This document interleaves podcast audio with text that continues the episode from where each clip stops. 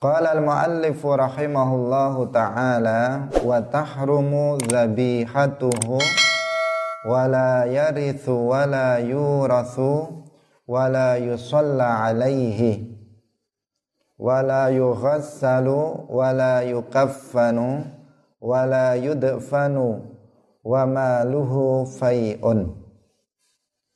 وتحرم لن حرم أبو ذبيحته. Sembelihane murtad. Wala yarithulan ora marisi sapa murtad. Wala yurasulan ora den warisi sapa murtad. Wala yusalla lan ora den salati alaihi ing atase murtad. Wala yughassalu lan ora den dusi sapa murtad wala yukaffanu lan ora den kafani sapa murtad. Wala yudfanu wala yudfanu lan ora den kuburaken sapa murtad. Wa maluhu lan utawi bondone murtad iku fai'un fai. Seputar hukum yang terkait dengan orang yang murtad telah kita jelaskan sebelumnya bahwa orang yang murtad pertama batal puasanya. Kalau ada orang sedang berpuasa, kemudian pada saat itu atau pada siang itu ketika dia berpuasa, dia mengucapkan kata kufur atau melakukan perbuatan kufur atau meyakini keyakinan kufur maka puasanya seketika itu batal. Dan wajib bagi dia untuk mengkodoknya secara langsung artinya tanggal 2 syawal langsung dia wajib untuk mengkodok puasa tersebut. Puasa Ramadan yang kita contohkan tadi yang kita maksud. Kemudian yang kedua adalah tayamum. Tayamum juga batal. Jika ada seseorang setelah masuk waktu Misalnya setelah masuk waktu zuhur dia tayamum. Setelah itu dia mengucapkan kata kufur atau melakukan perbuatan kufur atau meyakini keyakinan kufur. Maka batal tayamumnya. Jika dia kembali kepada Islam dengan mengucapkan dua kalimat syahadat, maka dia harus tayamum lagi untuk mengerjakan sholat zuhur tersebut. Kemudian nikahnya Nah, nikah di sini ada kemarin sudah kita singgung tetapi ada yang belum kita jelaskan. Nah, telah kita jelaskan sebelumnya bahwa tentang pernikahan ini dirinci hukumnya. Apabila riddah ini dilakukan oleh salah satu dari pasangan suami istri ini, oleh suami atau oleh istri, sebelum terjadinya hubungan suami istri maka akad nikahnya langsung batal. Akad nikahnya langsung rusak langsung batal. Udah dia bukan suami e, perempuan itu dan perempuan itu bukan istri dari laki-laki tersebut. Sudah bukan suami istri secara langsung. Nah apabila keduanya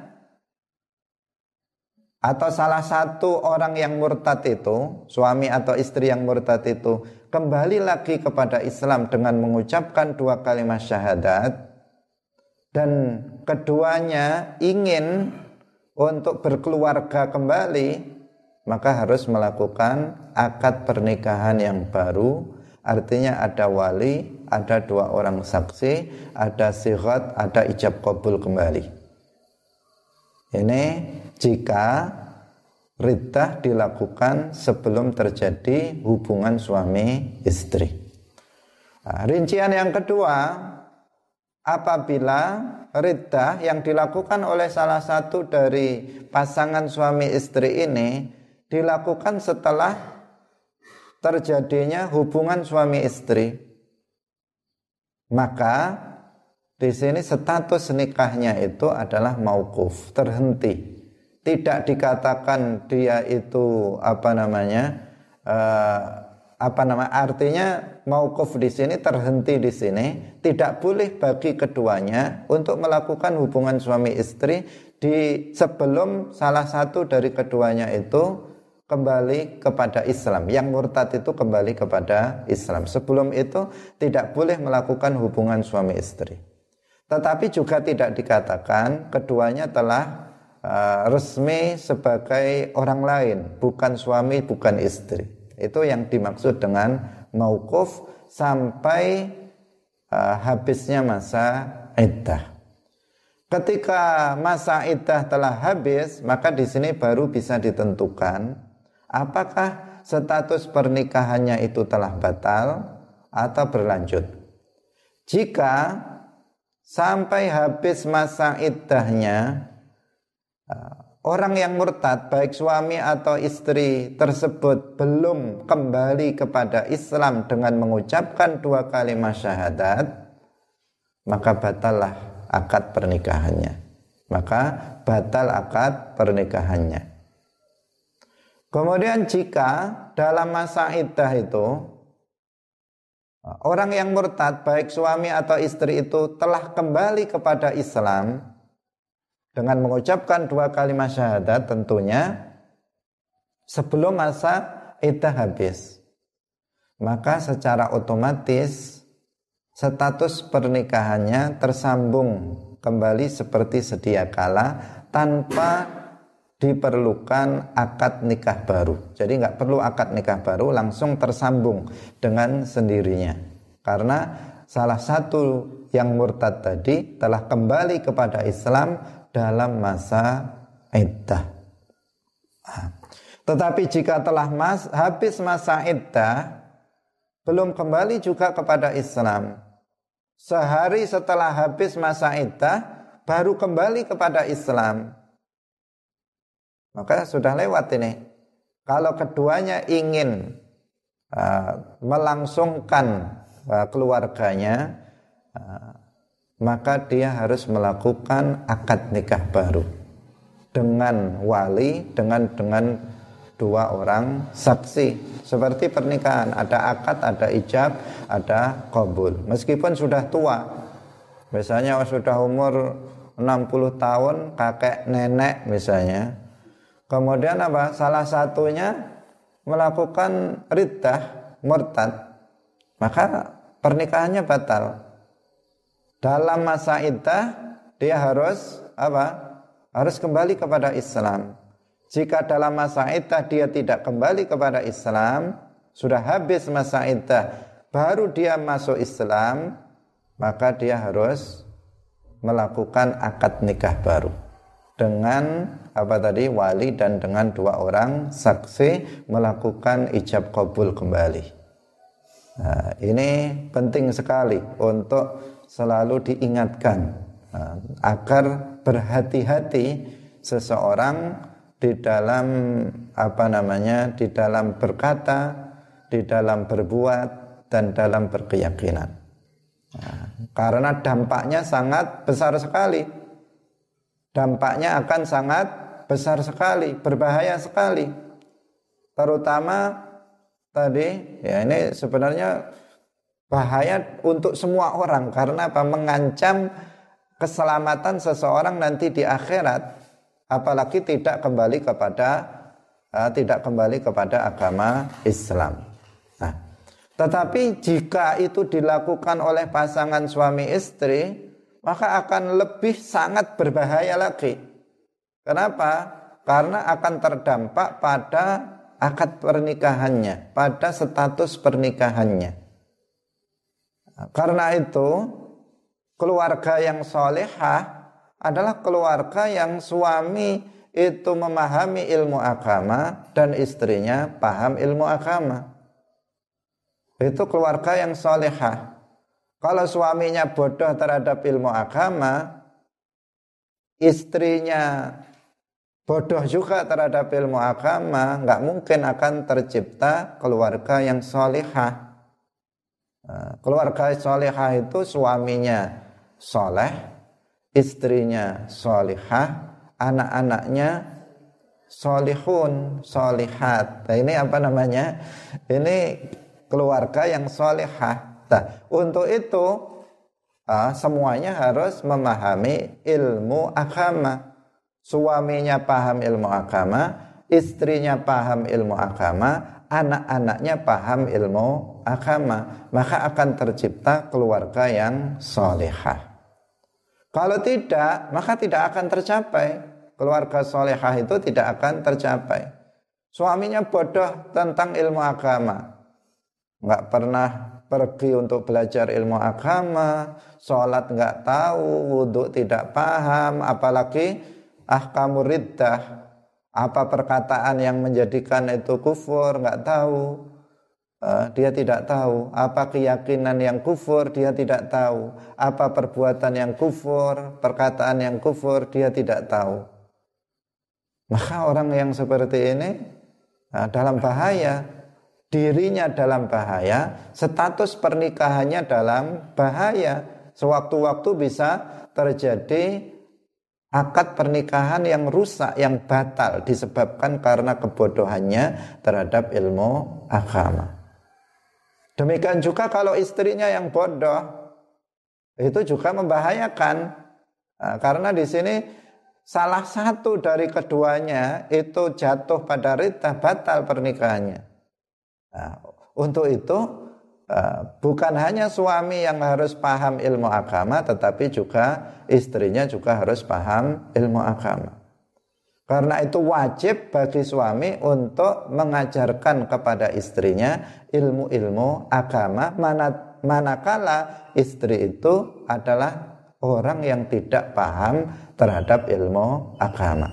Jika istrinya sudah paham terhadap ilmu agama, maka suami sudah lepas. Tetapi jika istrinya yang dia nikahi adalah perempuan yang bodoh terhadap ilmu agama, maka wajib bagi dia untuk membimbingnya, mengajarinya ilmu agama.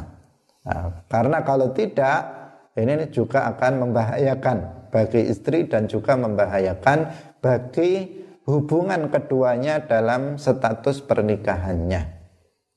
Ini.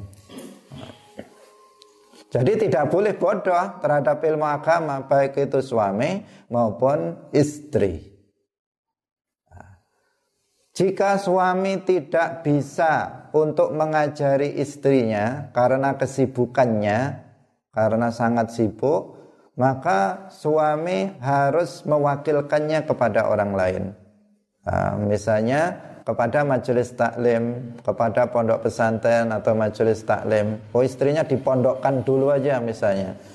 Nah, biar paham ilmu agama nanti baru pulang misalnya. Atau istrinya suruh hadir rutin dalam majelis taklim, majelis ilmu biar nanti dia berilmu. Dia berarti apa? Mewakilkan. Itu kewajiban suami, bukan kewajiban kiai, bukan kewajiban ustadz, kewajiban suami untuk mengajarinya. Tetapi karena suami tidak mampu untuk mengajarinya sendiri karena apa namanya kesibukan atau karena dia sendiri juga kurang kadang orang paham tapi nggak bisa menerangkan, nggak bisa ngomong misalnya, uh, maka dia harus mewakilkannya kepada orang lain.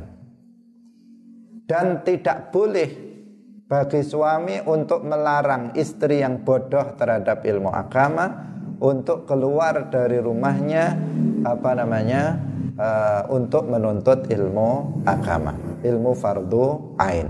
Nggak boleh. Suami misalnya jangan kamu keluar dari rumah di rumah saja.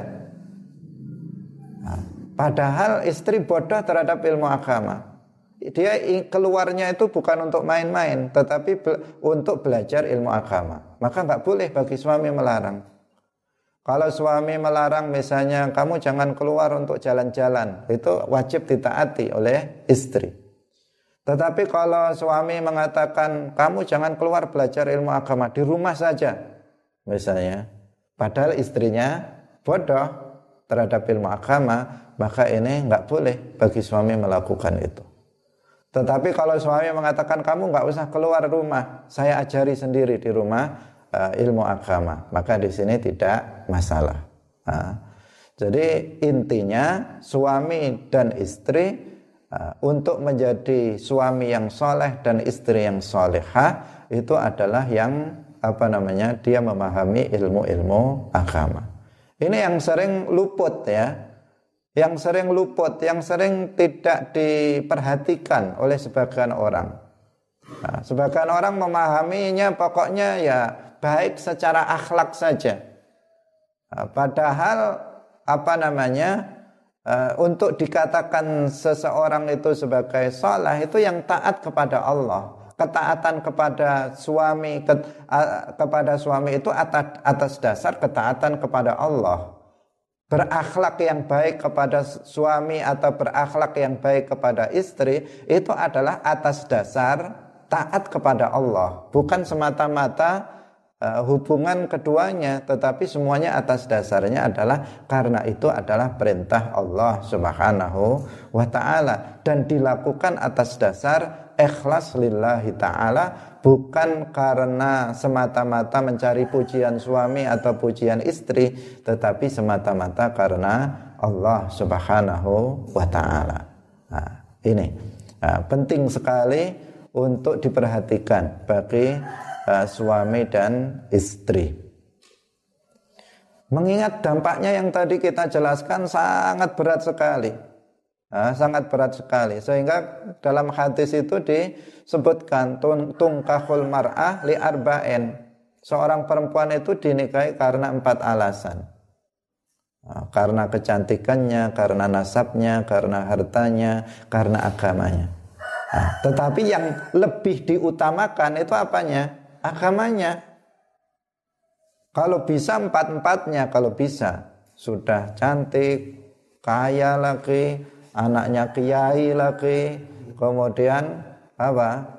Uh, kemudian uh, agamanya bagus, solihah.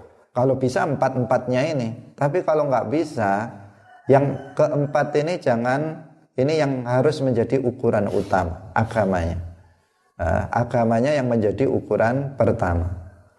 Nah, kenapa? Karena ini nanti yang menentukan banyak hal berikutnya. Bagaimana nanti jadinya anak-anaknya, apakah menjadi anak yang soleh solehah kan tergantung didikan dari ibunya. Karena dikatakan al ummu itu adalah madrasah yang pertama. Sekolah yang utama itu yang pertama itu adalah ibunya jika ibunya tidak solehah maka anak-anaknya akan berantakan nanti. Nah, ini menentukan uh, sangat sangat apa namanya menentukan maksudnya dia mempengaruhi pengaruhnya sangat besar terhadap pendidikan kebaikan keluarga dan anak-anaknya. Nah, ini harus uh, harus diutamakan agamanya dibandingkan dengan yang lain-lain. Nah, sebagian ada yang apa? Sebagian laki-laki kemudian ada yang nggak memperhatikan itu. Nah, dia mengatakan ah gampang nanti saya ajari sendiri. Ternyata setelah jadi suaminya dia nggak sempat ngajari istrinya. Yang penting cantiknya saja misalnya. Nanti masalah agamanya bi bisa saya bimbing sendiri. Ternyata setelah jadi suami istri dia nggak bisa membimbingnya karena tidak semudah yang diucapkan dan tidak semudah yang dibayangkan. Nah, sehingga eh, faktor agama ini harus diutamakan daripada yang lainnya. Begitu juga orang tua kalau memilih menantu itu adalah eh, agamanya yang diutamakan. Jangan sekedar harta bendanya. Sekarang ini sekarang ini dan dari dulu juga itu kebanyakan orang itu mengukur kesuksesan seseorang adalah dari harta bendanya. Kalau kaya raya, hartanya banyak, duitnya banyak, ini orang sukses, layak menjadi menantu saya misalnya. Kalau ini apa namanya, e, meskipun tamatan pondok, alumni pondok pesantren, tapi nggak duwe apa namanya, harta bendanya pas-pasan, pekerjaannya belum mapan, wah ini bahaya ini nanti anak saya dan seterusnya. Nah, dia memikirnya adalah urusan duniawinya. Akhiratnya tidak dipandang. Padahal apa? Seorang perempuan itu adalah uh, secara umum ya, tidak tidak perorangan. Kita secara umum itu lemah. lemah terpengaruh oleh suaminya mudah terpengaruh oleh suaminya. Karena itu ar-rijalu qawwamuna 'alan nisa. Laki-laki itu pemimpin bagi perempuan. Karena perempuan itu diberikan sifat lemah oleh Allah. Di sedangkan suami itu diberikan sifat-sifat kepemimpinan. Sehingga si istri ini mudah terpengaruh oleh suami. Makanya banyak sekali terkadang kita melihat dulu dia perempuan itu alumni pondok pesantren. Alumni pondok pesantren, taat, lama di pondok pesantren. Begitu menikah dengan suami yang bukan alumni pondok pesantren, suami yang misalnya nggak paham tentang ilmu agama, nggak pakai lama itu ya, sebulan dua bulan sudah terlihat perubahan. Sudah misalnya copot jilbabnya sudah apa namanya uh, sudah pokoknya mulai berubah. Uh, akhirnya berubah total. Itu mudah sekali. Demikian juga kalau suaminya itu orang yang taat beragama si istri ini juga mudah terpengaruh.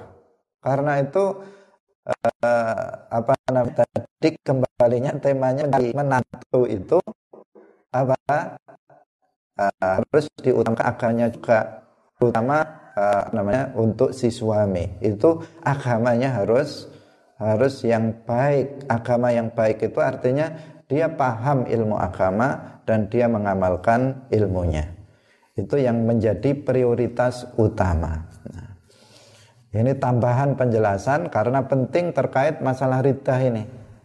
Nah, kita hubungkan masalah riddah ini.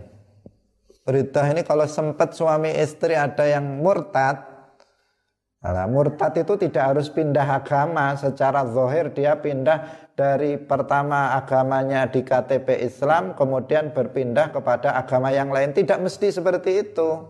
Sudah kita jelaskan dari awal Seseorang dengan mengatakan ucapannya mengatakan Allah itu zalim, Allah itu adil, enggak adil, itu saja dia sudah keluar dari Islam. Lah kalau ada suami istri salah satunya bodoh terhadap hal ini kemudian dia mengucapkannya, bagaimana nasibnya? Nasib pernikahannya. Nah, kalau kemudian dia tidak tahu, dia tidak tahu kalau akad pernikahannya sudah rusak, karena bodohnya sehingga dia tetap melakukan hubungan suami istri. Nah, itu hubungan apa? Sementara dia bukan suami istri. Zina itu jika dilakukan terus-menerus dosa besar terus-menerus dia lakukan. Bagaimana dengan anaknya jika lahir dari hubungan zina itu? Nasabnya tidak kembali kepada ayahnya. Bagaimana jika anaknya itu perempuan? Kalau menikah Bukan bapak biologisnya yang berhak menjadi wali. Kalau walinya yang menikahnya bapak biologisnya yang menikahkannya, apakah sah nikah anaknya itu? Tidak sah. Terus bagaimana terusnya, seterusnya? Itu akibatnya sangat fatal sekali. Karena itu tidak bisa dianggap remeh dalam masalah pernikahan ini. Agama harus menjadi prioritas. Harus menjadi prioritas utama, terutama apa namanya suaminya ini, karena dia bisa mempengaruhi istri. Nah, meskipun istri juga harus itu apa namanya memahami ilmu-ilmu agama. Nah, tidak banyak yang dimaksud ilmu agama di sini. Tidak harus suami itu menjadi orang yang alim, tidak. Harus suaminya harus yang kiai, tidak. Istrinya harus Eh, orang yang alimah yang luas ilmunya tidak. Yang dimaksud adalah paham ilmu-ilmu fardu ain.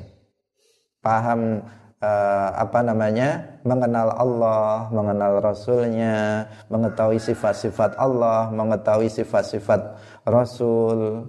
Kemudian apa tahu perkataan, perbuatan, keyakinan yang kufur, mengetahui agar dia menghindarinya tahu bagaimana tata cara berwudu, tahu tata cara sholat, tahu tata cara mandi wajib dan seterusnya. Yang dasar-dasar saja itu yang wajib dan itu jumlahnya tidak banyak, uh, tidak banyak. Uh, Artinya jangan dibayangkan, oh sulit sekali berarti kalau seperti itu. Enggak sulit. Agama ini mudah. Islam itu agama yang mudah. Ilmu yang wajib dipelajari oleh setiap muslim itu jumlahnya sedikit sekali. Kalau misalnya mau dipelajari dalam waktu satu bulan sudah selesai. Nah, sudah selesai. Nah, seperti itu. Nah. Kaum muslimin, muslimat, pemirsa yang dirahmati oleh Allah Subhanahu wa taala. Nah, kita lanjutkan kembali.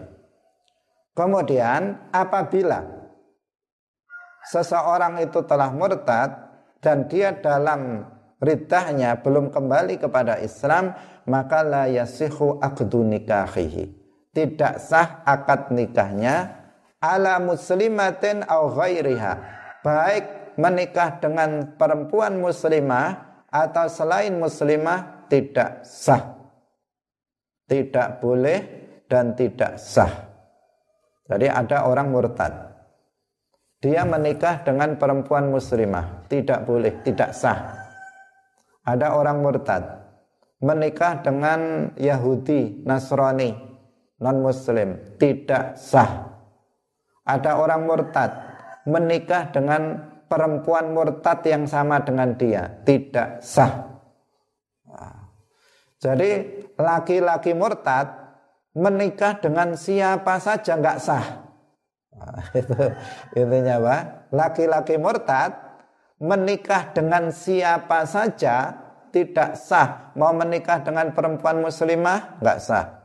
Mau menikah dengan perempuan non muslimah, Yahudiyah, Nasraniyah atau yang lainnya tidak sah. Mau menikah dengan perempuan yang murtad sama seperti dia juga tidak sah. Nah, sama sekali dia tidak bisa melangsungkan pernikahan. Ini bagi siapa? Bagi seorang laki-laki yang murtad. Demikian juga sebaliknya, perempuan yang murtad juga tidak bisa menikah dengan laki-laki muslim atau siapa pun. Tidak bisa akad nikahnya itu tidak sah. Nah. Kalau laki-laki muslim boleh menikah dengan perempuan ahlul kitab Yahudiyah atau Nasraniyah yang memiliki garis keturunan Yahudi Nasrani sampai sebelum Nabi Muhammad. Begitu dalam mazhab Syafi'i. Tapi kalau perempuan muslimah itu tidak boleh menikah kecuali dengan muslim. Jadi perempuan muslimah tidak boleh menikah kecuali dengan laki-laki muslim. Karena mulai ada seorang perempuan muslimah kemudian apa menikah dengan non muslim di Indonesia nggak bisa pergi ke luar negeri untuk menikah di sana ada yang seperti itu sebagian artis nah, laki-laki muslim itu boleh menikah dengan muslimah juga boleh menikah dengan ahlul kitab. Ahlul kitab itu Yahudi dan Nasrani. Tetapi dalam mazhab Syafi'i, ahlul kitab yang dimaksud itu adalah Yahudi dan Nasrani yang memiliki garis keturunan sampai Yahudi Nasrani sampai sebelum masa Rasulullah. Jadi bapaknya Yahudi, mbahnya Yahudi, uh, buyutnya Yahudi, seterusnya sampai masa Rasulullah Shallallahu Alaihi Wasallam secara berurut semuanya Yahudi atau semua Nasrani maka perempuan itu boleh dinikahi oleh seorang Muslim. Tapi kalau dia perempuan itu Nasrani, bapaknya Nasrani, mbahnya dulu orang Islam, mbahnya orang Islam, maka perempuan ini nggak nggak bisa dinikah meskipun dia Nasrani, Nasraniyah ahlul kitab tidak bisa dinikah oleh seorang muslim dalam mazhab Syafi'i. Nah, seperti uh, Nasraniyah yang ada di Indonesia ini. Ini ini rata-rata itu apa? Itu dulu cucunya orang murtad. Baik dari orang dari murtad dari Islam atau dari ya Hindu Buddha. Kenapa? Karena agama Nasrani itu agama terakhir yang datang di Indonesia. Islam jauh lebih dulu datangnya dari agama Nasrani. Nah, karena agama Nasrani dibawa oleh siapa? Dibawa oleh penjajah datang ke Indonesia. Nah, karena itu rata-rata Nasraniyah yang ada di Indonesia ini adalah keturunan orang murtad. Sehingga apa? Mbahnya atau uh, apa buyutnya itu adalah dulu mantan orang Islam atau mantan orang uh, Hindu atau Buddha kemudian masuk terpengaruh kemudian masuk kepada agama Nasrani. Maka perempuannya itu tidak boleh dinikahi. Jadi perempuan Nasraniyah di Indonesia itu rata-rata itu tidak bisa untuk dinikahi oleh seorang muslim. Kaum muslimin pemirsa yang dirahmati oleh Allah Subhanahu wa taala. Kita lanjutkan kembali. Jadi gak boleh sama sekali orang yang murtad itu uh, apa namanya? menikah dengan perempuan model apa pun apa pun agamanya tidak diperbolehkan. Bahkan sesama orang murtad pun itu tidak diperbolehkan dan tidak sah. Kemudian yang selanjutnya adalah wa tahrumu dzabihatuhu. Haram sembelihannya. Nah, haram sembelihannya. Kalau menyembelih ayam atau menyembelih kambing, orang ini jadi bangkai ayamnya, kambingnya itu jadi bangkai. Meskipun disembelih, zohirnya apa? Disembelih terputus apa namanya uh, lehernya atau terputus jalan makan dan jalan uh, nafasnya sudah terputus secara zohir seperti sah. Tetapi yang melakukannya orang murtad, maka tidak apa namanya tidak boleh dimakan sembelihannya itu karena hukumnya adalah bangkai karena yang menyembelihnya bukan orang Islam. Nah, ini apa namanya uh, konsekuensi dari riddah yang begitu sangat berat. Nah, dan contoh-contohnya sudah kita sebutkan sekali lagi murtad di sini tidak mesti di KTP-nya itu agamanya bukan Islam tetapi orang yang jatuh pada salah satu jenis rita, apakah perkataan, perbuatan atau keyakinan yang sudah kita contohkan kemarin, kalau seseorang jatuh pada rita tersebut, maka hukumnya dia murtad. Jika dia menyembelih ayam, nggak dimakan apa namanya dagingnya, karena itu uh, dihukumi sebagai bangkai karena syarat Uh, syarat daripada sembelian yang sah itu harus dilakukan oleh seorang muslim atau ahlul kitab.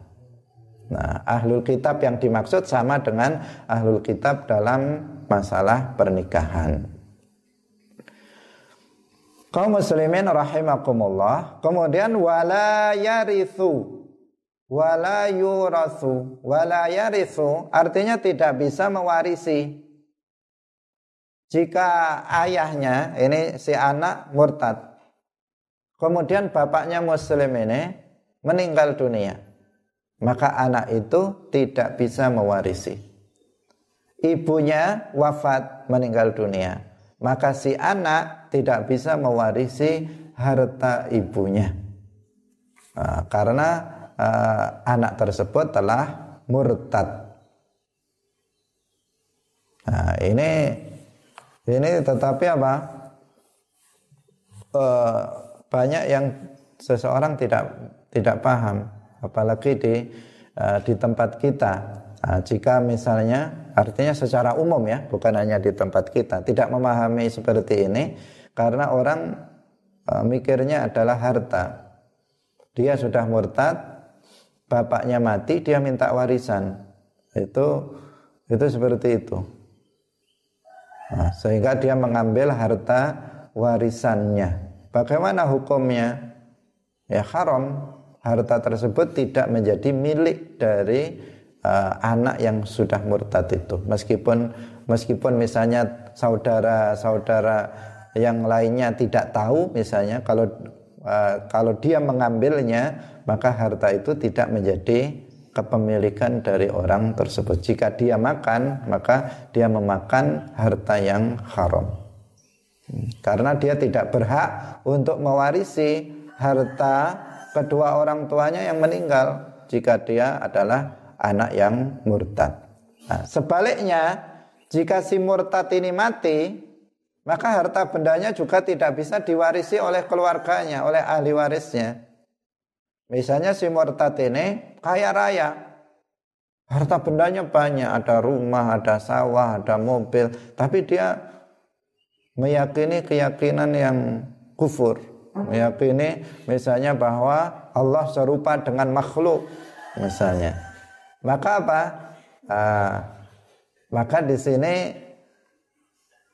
apa namanya keluarganya itu tidak bisa mengambil harta benda orang tersebut. Anaknya nggak bisa uh, apa namanya anaknya nggak bisa mewarisi harta dia. Istrinya tidak bisa mewarisi harta dia. Orang tuanya tidak bisa mewarisi harta dia. Kenapa? Karena orang yang mati ini murtad. Jadi hartanya tidak bisa dibagi-bagi sebagai warisan. Nah, tetapi bagaimana? Uh, tetapi harta bendanya itu menjadi fai. Fai itu artinya harta bendanya diambil, diambil oleh pemerintah untuk digunakan, uh, digunakan ke, untuk kemaslahatan umat Islam. Jadi hartanya langsung diambil oleh oleh apa namanya pemerintah uh, diserahkan ke Baitul Mal. Uh, Baitul Mal untuk kemudian digunakan untuk kemaslahatan umat Islam. Nah, jadi Baitul Mal itu semacam apa ya kebendaharaan. Nah, yang yang terpercaya yang mereka memanfaatkan harta itu untuk kepentingan kemaslahatan umat Islam. Nah, tetapi di di negara kita tidak bisa dijalankan ini. Ini tidak bisa dijalankan. Kenapa? Karena setiap uh, setiap mereka itu uh, apa namanya merasa bahwa mereka berhak untuk mengambil harta itu Ah, dan secara hukum negara tidak bisa diterapkan untuk kemudian diambil hartanya sebagai untuk kepentingan umat Islam. Ah, mereka pasti tidak menerima. Ah, mereka tidak bisa menerima orang tuanya yang murtad meninggal dunia, hartanya melimpah, langsung diserahkan begitu saja ke ke negara, itu pasti mereka nggak akan terima. Apalagi keluarganya misalnya bodoh terhadap ilmu agama. Tetapi jika keluarganya itu paham terhadap ilmu agama, maka dia harus menyerahkannya. Nah, dia harus menyerahkannya. Misalnya dia tahu bapaknya itu adalah murtad. Dia meyakini keyakinan kufur sampai mati. Meyakini keyakinan kufur. Hartanya melimpah. Maka anak-anaknya bagaimana ini? Nggak bisa dia ngambil harta bendanya, harta warisannya. Nah, kalau diserahkan ke negara juga kalau untuk konteksnya sekarang juga nggak bisa. Kenapa? Karena nanti akan ditasarufkan sembarangan karena ini harta ini adalah untuk kemaslahatan umat Islam. Nah, itu bagaimana? Boleh bagi jika nggak ada baitul mal yang terpercaya, maka boleh bagi orang yang soleh, orang yang soleh untuk uh, mengambil harta itu kemudian mentasarufkannya untuk kepentingan umat Islam. Jadi diambil misalnya diserahkan oleh apa namanya keluarganya. Ini karena karena kalau langsung diambil tanpa persetujuan keluarganya, ahli warisnya, maka biasanya nggak bisa biasanya. Maka kalau keluarganya itu orang yang berilmu, paham, oh ini bukan hak kita ini. Ini harta Eh, misalnya bapak kita ini kufur, dia murtad, maka harta bendanya nggak bisa kita wariskan.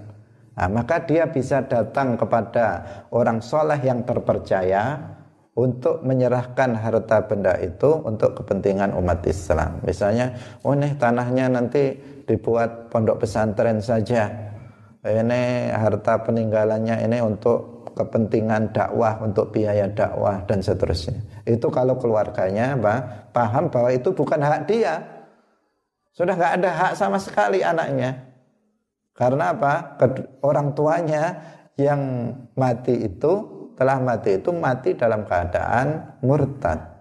Nah, kalau anaknya itu kemudian mengambilnya padahal bukan hak dia, maka dia memakan harta yang haram. Hmm. Jadi sampai di situ. Karena itu ini bahaya sekali. Rita ini adalah sesuatu yang sangat bahaya sekali. Men menyangkut masalah hukum-hukum yang lainnya. Kaum muslimin pemirsa yang dirahmati oleh Allah Subhanahu wa taala.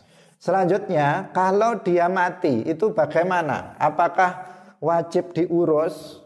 Nah, di sini ada rincian penjelasannya. Kalau ada orang murtad mati,